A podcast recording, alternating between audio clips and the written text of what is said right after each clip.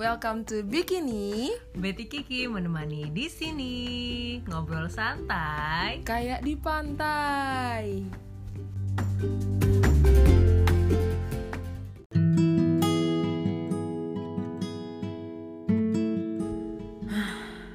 Rasanya capek banget, pengen nangis, gak kuat. Boleh gak sih nangis? Harus pura-pura kuat?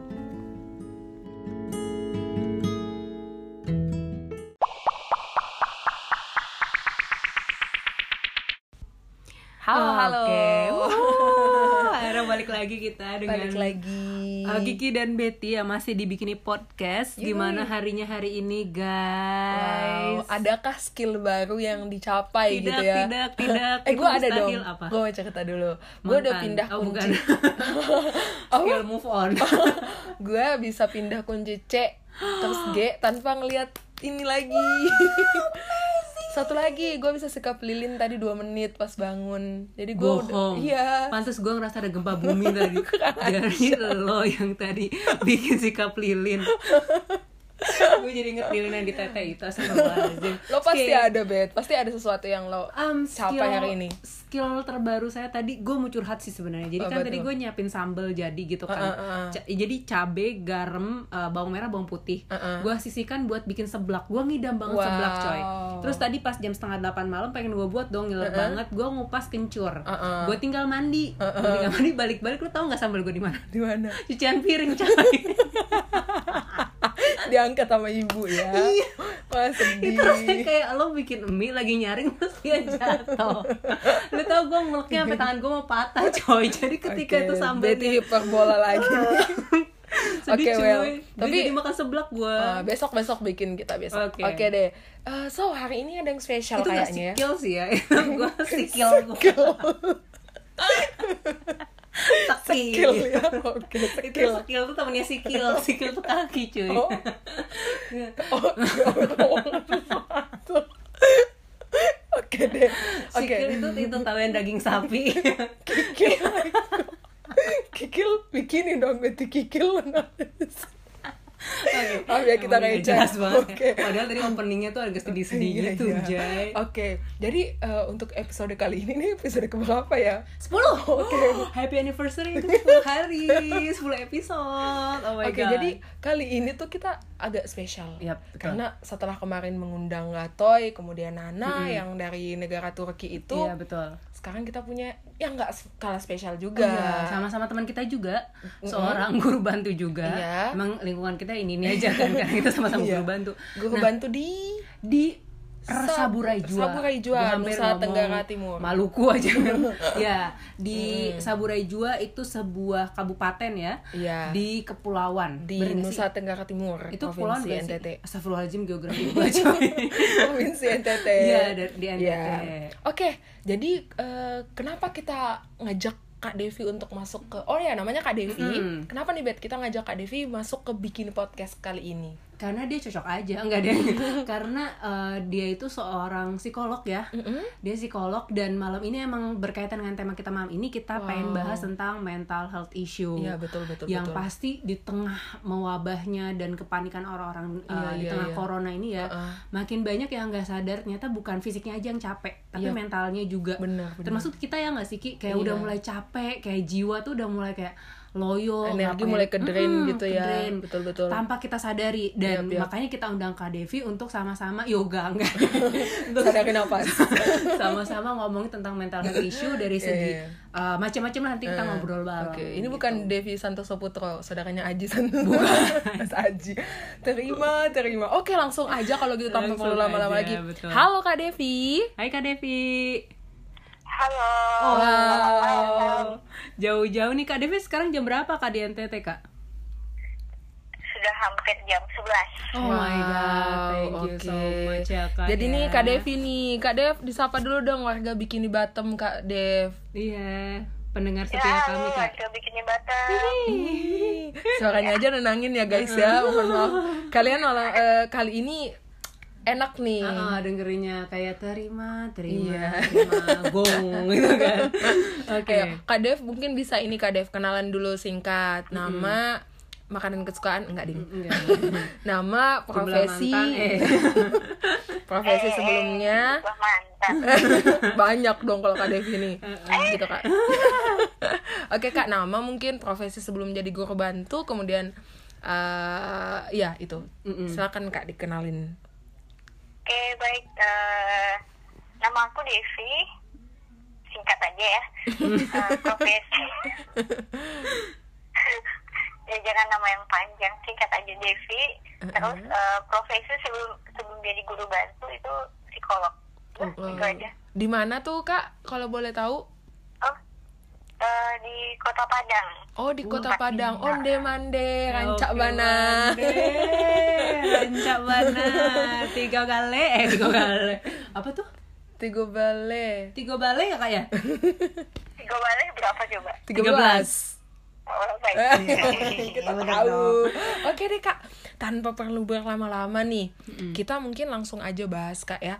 Jadi eh, mental health issue ini atau isu soal kesehatan mental ini emang sedang apa ya hangat-hangatnya diangkat ke permukaan. Betul. tapi sayang banget nih kak masih banyak stigma-stigma orang masyarakat kita itu kalau mental health itu sesuatu yang tabu untuk dibicarakan. Atau bahkan kayak dianggap apa tuh biasanya bet Eh, kalau yang penyintasnya tuh dianggap orang gila, kemudian kalau misalnya eh, orangnya itu ngaku kayaknya gue ada sakit mental deh, dibilangnya eh, kurang zikir, Iya, iya, kurang dekat dengan Tuhan. eh, dekat dengan Tuhan. Iya. Banyak yang kemudian orang-orang eh, apa ya menyalahartikan arti dari mental health issue ini kak sebagai sesuatu yang lain gitu, kerasukan jin lah atau Iya, apa betul. gitu. Menurut kakak tuh gimana sih kak cara Ya, kita sebagai practitioner lah ya sebagai profesional gitu ya kak ya gimana tuh kak melihat stigma masyarakat tentang mental health issue ini kak?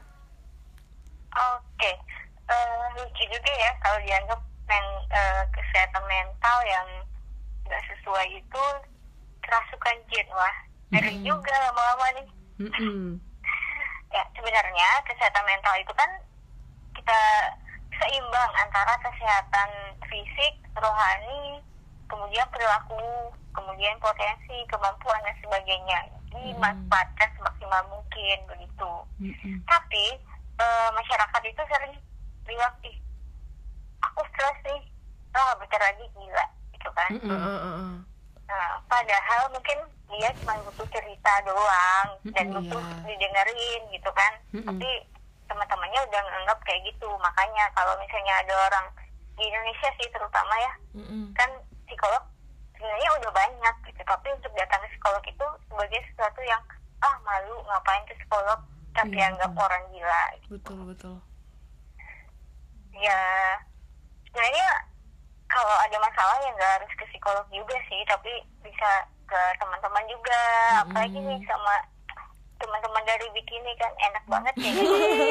Sama apa kak receh tau kak Pengen terbang deh. Jadi sebenarnya bukan sesuatu yang patut dimaluin gitu ya kak ya ketika seseorang emang butuh bantuan profesional langsung aja reach out ke psikolog gitu ya kak ya? Iya betul banget. Hmm, apalagi Karena sekarang? malu ya?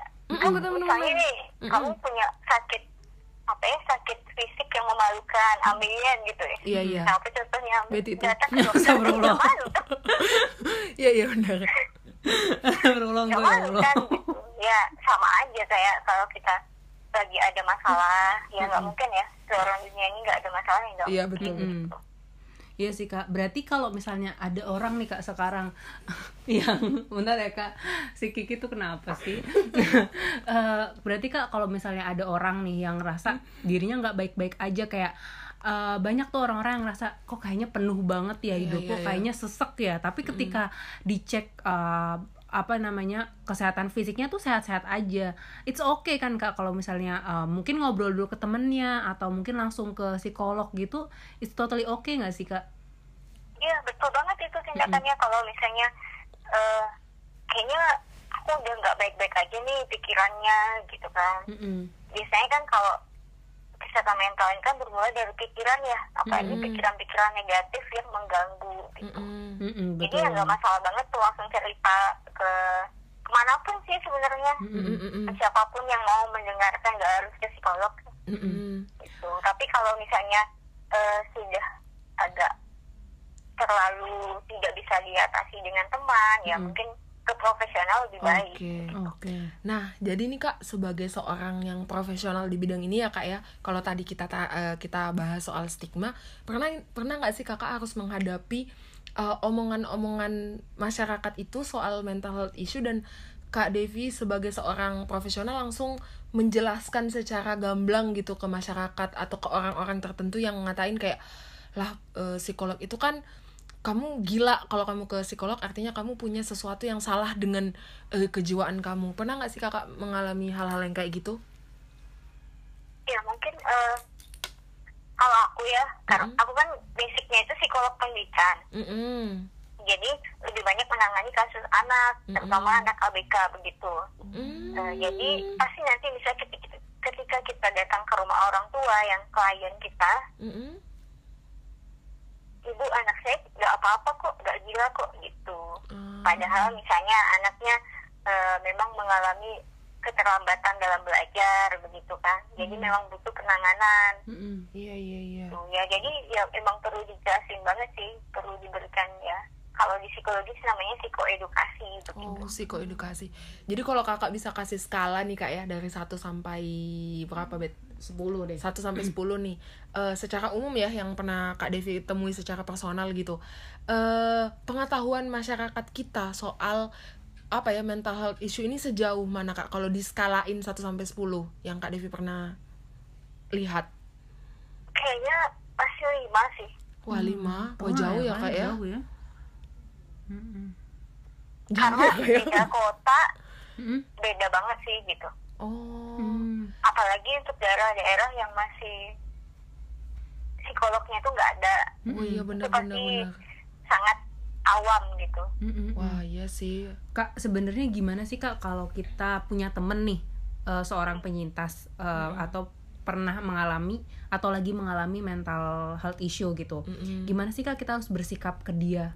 Iya. Eh, apalagi kalau misalnya biasanya orang yang punya penyakit mental gitu dia malu kan tadi kata Kak Devi kan untuk cerita. Eh, tapi kita udah tahu nih mungkin dari Bisa ngerasa Heeh, gitu ya, bisa kayak ngerasa ada atau sesuatu. mungkin aku punya pengalaman juga temenku eh, apa ya pengidap atau apa namanya penyintas eh, Hmm. eh, apa namanya sakit mental gitu terus dia nggak cerita tapi dia tulis di blognya Kamu baca. Mm-mm, aku baca blognya kemudian aku juga nggak harus nggak tahu harus bersikap kayak gimana nih ke temanku itu sebenarnya kita harus bersikap kayak gimana sih kak sebagai teman yang punya eh, apa ya punya orang yang merupakan pecintas gitu penyintas Mm-mm. ya eh, kalau emang punya teman kayak gitu Mm-mm. ya kita bersikap biasa aja sih perlakukan lagi sebagai manusia Mm-mm. pada umumnya gitu toh Betul. penyakitnya dia kan nggak menular ke kita kan Iya. betul betul betul Nah, betul. jadi ya bersikap sewajarnya kalau em ya berceritalah dengannya Mm-mm. ya mungkin bisa dihibur oleh teman-teman dari bikini seru juga aduh kak Devi ini terlalu membanggakan kita Oh. Jadi kalau posisinya dia emang sedang mengalami itu ya kita bersikap ya sebagaimana biasanya aja ya kak ya. Mungkin kalau memang dia udah cerita dan emang kita udah tidak bisa menampungnya, ya kita arahkan dia untuk ke profesional gitu ya kak ya. iya betul Nah, kalau nih misalnya nih kak, kita yang sebagai eh, seseorang yang merasa sedang tidak baik-baik saja, entah itu merasa sedang penuh banget atau merasa kayak kosong banget, Mm-mm, betul itu kalau misalnya kita apa ya, kayak gue lagi ada yang salah nih dengan diri gue gitu, ya apa yang harus kita lakukan gitu kak? Maksudnya sebelum kita sebelum kita ke profesional gitu loh, Mm-mm. apa yang sebaiknya kita lakukan? ya eh, sebelum ke profesional kalau orang-orang yang udah ya apa teman-teman kan pasti berpikirnya kan udah lebih dewasa ya Mm-mm. kalau orang yang sudah lebih dewasa pasti dia bisa mengendalikan pikiran-pikirannya karena biasanya satu permasalahan itu kan muncul dari pikiran-pikiran negatif yang berulang-ulang Mm-mm. Mm-mm. gitu jadi dan kita semua kan pasti punya teman punya sahabat Mm-mm. atau punya orang tua ya udah berceritalah kepada orang-orang yang kita anggap nyaman terlebih dahulu Mm. Wah, nyaman Atau- sih. Mm-mm. atau Iya, bagi orang-orang yang introvert biasanya kan aduh males nih gue cerita Iya gitu iya kan iya iya iya. Ah, Kiki kan itu relate kan Kak. kita juga bisa meluangkan isi hati isi pikiran kita melalui tulisan juga bisa Betul betul. Kak, banyak cara kok sebenarnya. Eh, kak, kapan eh, menurut Kak Devi kapan saat yang tepat untuk kita, misalnya kita mengalami tadi yang Kiki bilang eh, kekosongan atau mungkin kegundahan penuh banget, sampai akhirnya di titik kita, oh kayaknya gue rasa gue harus ke psikolog deh gitu. Kira-kira kapan sih Kak titiknya? ketika pikiran-pikiran yang mengganggu itu udah mengganggu kehidupan atau aktivitas kita sebagai manusia. Wow. Kayak gimana tuh kak? Iya, contohnya gimana tuh Kak? misalnya makan waktu makan berapa kali sehari lima sih kalau normal. aku mau berarti Kalau aku mah tujuh sih Kak, belum sama ya? snacking Wah, Kak. biasa tiga tiga tiga Oke, tiga, Kak, tiga, tiga. tiga oke ketika kalau sehari manusia masih bisa lah ya nggak makan ya. Mm-mm. nah terus kalau udah tiga hari berturut-turut nggak makan kira-kira itu normal atau enggak Enggak enggak sih, enggak. Hmm, udah nggak normal ya terus misalnya tiap hari orang-orang pasti eh, berhubungan sosial dengan orang lain Mm-mm. tapi sudah cenderung untuk mengurung diri di kamar berhari-hari. Oke, kita juga sih Kak. oke oke. Aduh kayaknya perlu segera nih Oke. terus kak? Eh, terus misalnya apa lagi ya? Hmm, udah mengganggu aktivitas pekerjaannya sehari-hari. Udah nggak konsen kerja kayak gitu. Oke. Hmm, hmm, hmm. Jadi itu harus udah harus segera eh, ke profesional gitu ya kak ya. Jadi nih kan sekarang di tengah pandemik ini kan ya kak ya mungkin covid-19 ini udah banyak banget mempengaruhi berbagai lini kehidupan di mana-mana tuh kak dengan orang menjadi non job kemudian ada yang wah usahanya harus terpaksa tutup dan sebagainya. Mungkin yang nggak biasa di work from home harus terkurung. Itu kan mempengaruhi banyak hal ya kak ya. Gimana nih cara kita tetap menjaga kewarasan gitu kak di tengah-tengah wabah yang sangat-sangat menakutkan ini gitu loh kak?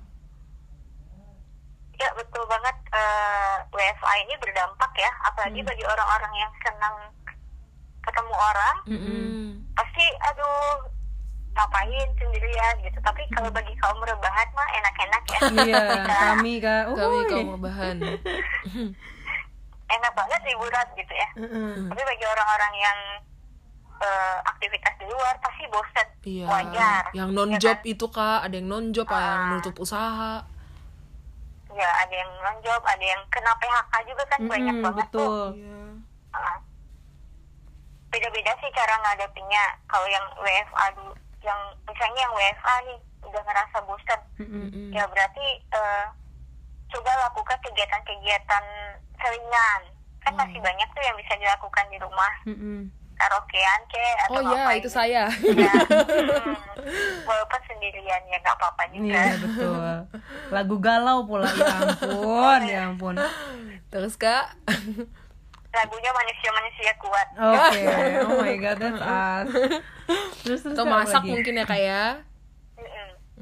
Terus kalau yang misalnya non job dan sebagainya itu kayaknya memang perlu untuk berpikir lebih kreatif lagi kira-kira apa sih yang bisa dilakukan di tengah pandemik ini gitu. Mm.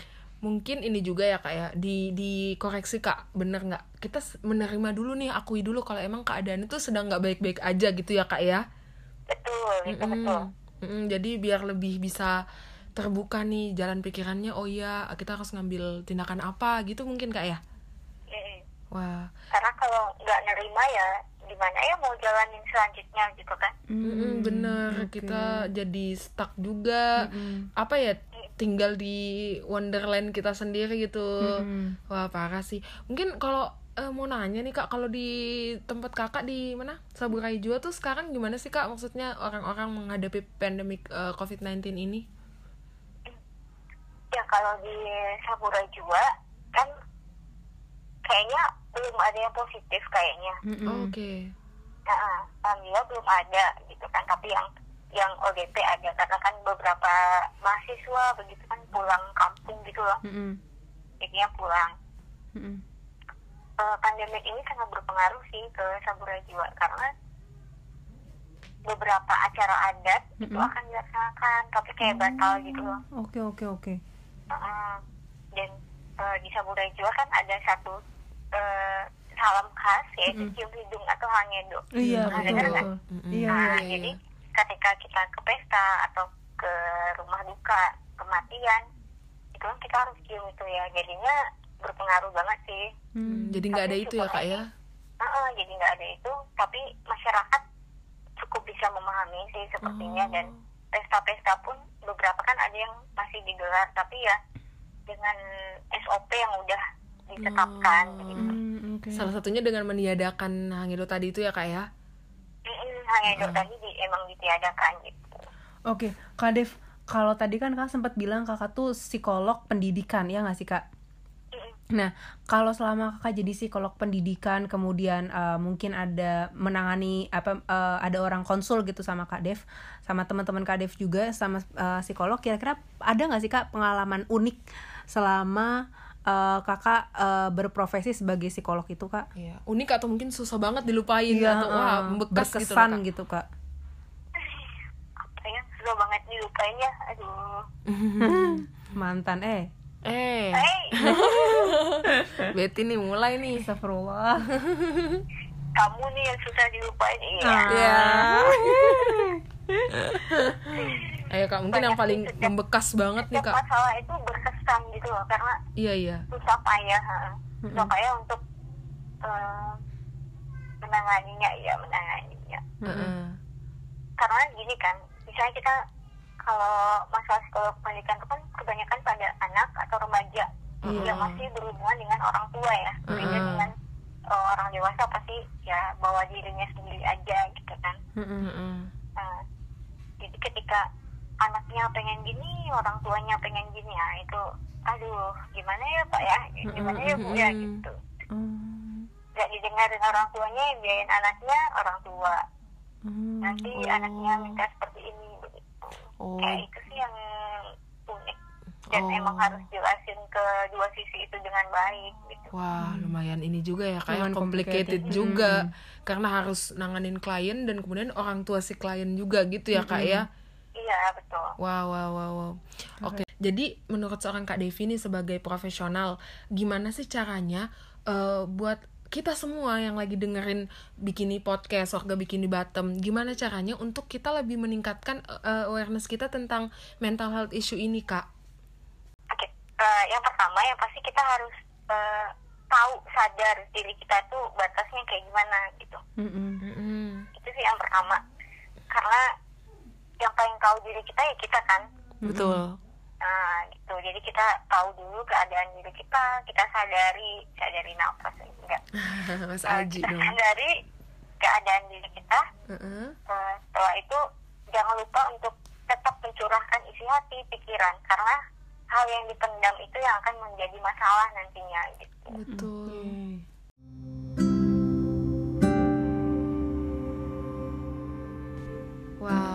Wow, gue masih kayak speechless sih kayak Gue juga. banyak yang kemudian jadi bikin merenung ketika Ih, lagi beneran. nanya gitu Iya. kan.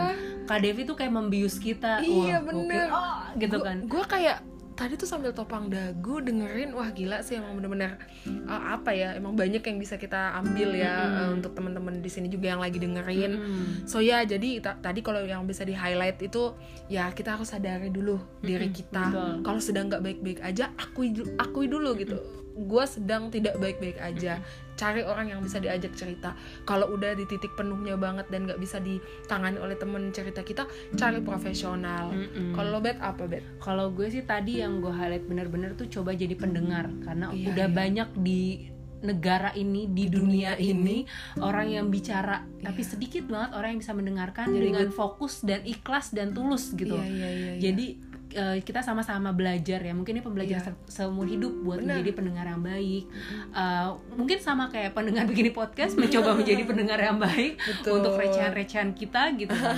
sama tadi yang terakhir kali ya tingkatkan pengetahuan Iya, mungkin kita bisa mulai eh, apa ya kasih pengetahuan juga ke sekitar-sekitar kita, misalnya orang-orang tua kita Mm-mm. soal pentingnya mental health ini untuk Iya. diketahui dan disadari oleh semua orang Ah, gitu ya. Kemudian ini sih Ki yang tadi sempat kita singgung di awal tentang jangan asal ngejudge gitu loh. Kalau Oh, misalnya iya, iya. orang nangis tiba-tiba Iya. atau tiba-tiba nggak sesuai sama kebiasaan dia biasanya langsung Iya. kita suruh sholat.